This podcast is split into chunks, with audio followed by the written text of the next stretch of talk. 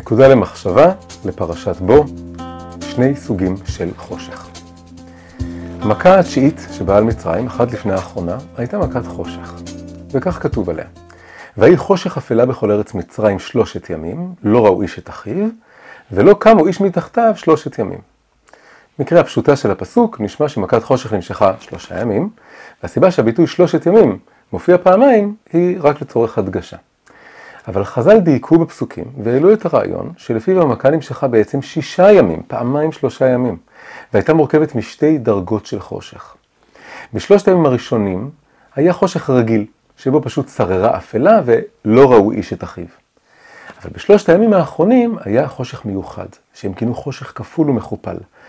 זה היה כביכול חושך סמיך, שבו אפילו לא היה אפשר לזוז, ולכן כתוב ולא קמו איש מתחתיו. החושך השני הזה רמוז גם בביטוי שהופיע קודם לכן, וימש חושך. ביטוי שנדרש כרומז לחושך ממשי, חושך שניתן למשש אותו. שני סוגי החושך האלו מקבילים בדיוק לשתי התשובות הקלאסיות לשאלה מהו בכלל חושך.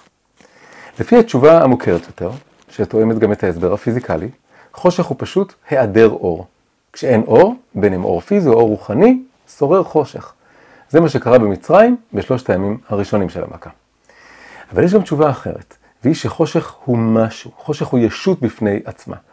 הדבר הזה רמוז בפסוק יוצר אור ובורא חושך. המילים בורא חושך מציעות שחושך הוא משהו שנברא. מה זה אומר נברא? יש מאין. כלומר הוא יש, הוא ישות, שנבראה מאין. בניגוד ליוצר אור, שזה יש מיש, זה שינוי צורה. אז לפי זה חושך זה הדבר שבעצם קיים, והאור צר צורות כביכול בתוך החושך. החושך הזה שהוא בבחינת משהו, הוא החושך של שלושת הימים האחרונים במכת מצרים.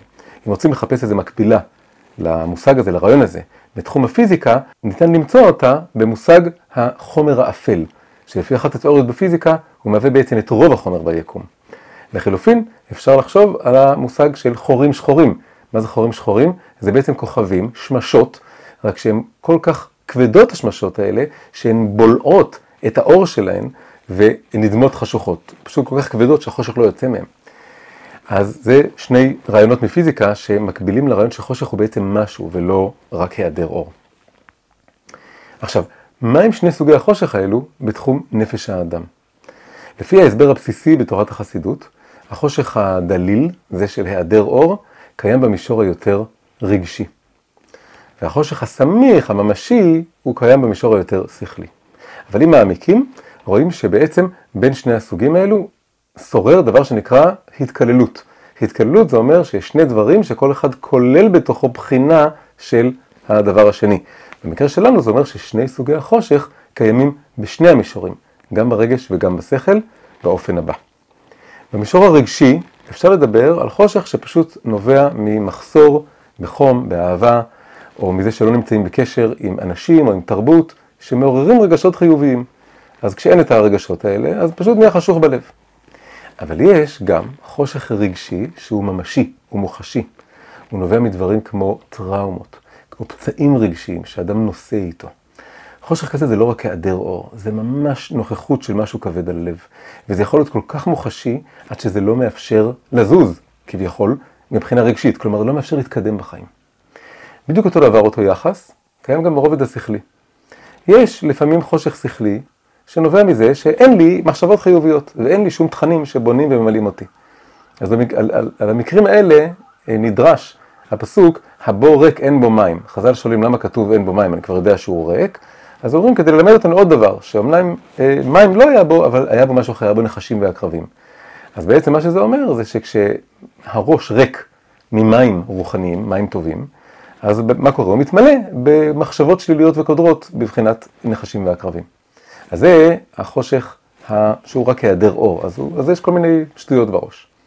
אבל יש גם חושך כבד יותר, שבנוי מהשקפת עולם מבוססת, מנומקת, שהתוצאה הסופית שלה, מה שהיא מייצרת, זה פסימיזם.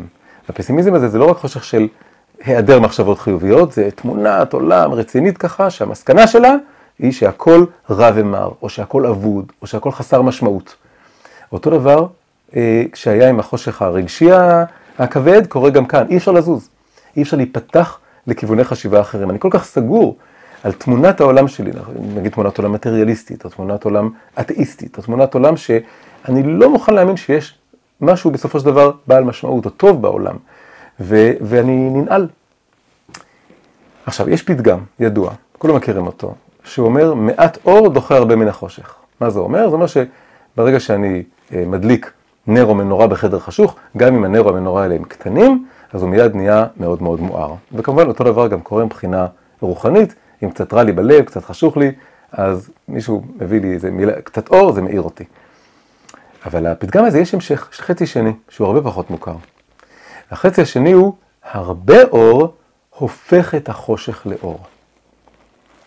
אז יש לנו פה מעט אור והרבה אור. המעט אור דוחה את החושך והרבה אור הופך את החושך לאור.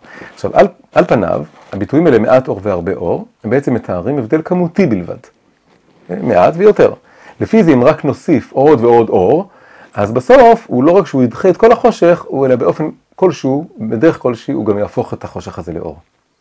אבל אם חושבים על זה, זה נראה שיותר נכון, יותר עמוק, לחשוב על המילים האלו כמתארים הבדל איכותי בין שני סוגים של אור, כמו שדיברנו שני סוגים של חושך, שני סוגים של אור. יש אור שהוא בבחינת מעט. זה אור שהוא פשוט. מה זה יכול להיות? ניגון נוגע ללב. זה יכול להיות מילות עידוד. זה יכול להיות וורטים, כן? דברי תורה פשוטים, קטנים, משמחים. זה אור שהוא בבחינת מעט, אפשר שיהיה המון ממנו, אבל הוא עדיין, במהות שלו הוא מעט, האיכות שלו, הסוג, סוג האור שהוא מעניק לנפש הוא אור שהוא בבחינת מעט. יש גם אור שהוא בבחינת הרבה.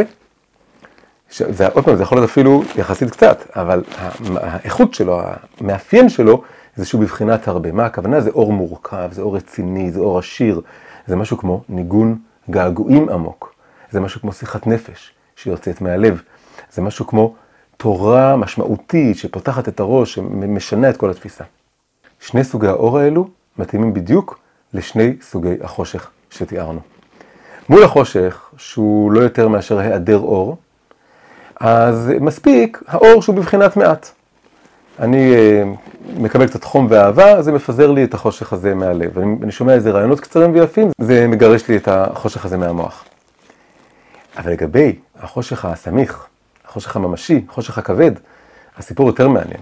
קודם כל, מסתבר, העניין זה בכלל לא לדחות אותו, העניין זה להפוך אותו לאור, זה משהו אחר לגמרי. בתוך החושך הזה מסתתר אור גדול, כך לפי הביטוי שהרבה אור הופך את החושך לאור. האור הזה שבתוך החושך בעצם רק מחכה שמישהו יבוא, שלא יפחד מהמסכה החשוכה שהוא עוטה ויגלה אותו.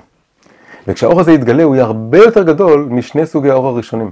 יתקיים בו בעצם הפסוק כי יתרון האור מן החושך, אבל כמו שהזוהר מבין את הפסוק הזה, הזוהר אומר שיתרון האור מן החושך זה לא רק שיש יתרון לאור על פני החושך, זה אומר שיש יתרון לסוג האור שבא מן החושך, שיוצא מן החושך, שעבר באיזשהו אופן את החושך, או בקע מתוכו. וזה בעצם האור הכי הכי גדול. עכשיו, מה שיכול לגלות את האור שבחושך הממשי, הוא רק אה, אור שהוא בבחינת הרבה, אור רציני, עשיר מושקע, שיכול כאילו לחדור לתוכו ולהתכתש עם החושך שלו, עד שהוא יחשוף את האור שגנוז בו, כן? להתכתש כמובן באהבה, כי אחרי הכל זה אור. אז מה זה אומר? זה אומר למשל במישור הרגשי, זה אומר טיפול נפשי, רגשי, פסיכולוגי, מעמיק, שעוזר, ל... הוא לא רק אומר יהיה בסדר, הוא נכנס לטראומה, הוא נכנס לפצע, והוא מצליח להאיר אותם מבפנים, לגלות את הברכה שבהם, לפרק אותם. במישור השכלי, זה לא להגיד איזה וורד קטן, זה, זה תורה עמוקה, תורה שחודרת לתוך ההשקפה שלי, וכאילו מפרקת אותה מבפנים, ובעצם מאירה אותה מבפנים, עד שהיא מעלה את ניצוץ הקדושה שלה. אנשים שמסתובבים עם החושך מהסוג השני, החושך שהוא משהו, החושך הסמיך בלב שלהם או במוח שלהם, זה לא משנה כמה אה, מעט אור הם יחשפו אליו, זה בחיים לא יפעל עליהם. זה יכול להיות מאה שנה, זה לא יפעל עליהם. הדרך היחידה שהחושך שבהם יוכל להתרפא, הוא אם מישהו יישב איתם, ישהה איתם, יחדור לתוך החושך שבהם, ויחדיר לתוכו את האור שהוא, את ההרבה אור, את האור שהוא בבחינת הרבה. אנשים כאלה, עם החושך הכבד, הזמנה לכולנו להיות רבני אור. כמו שיש הרבה אור, צריך רבני אור. מומחים בהפיכה של החושך שבעולם לאור גדול. שבת שלום לכולם.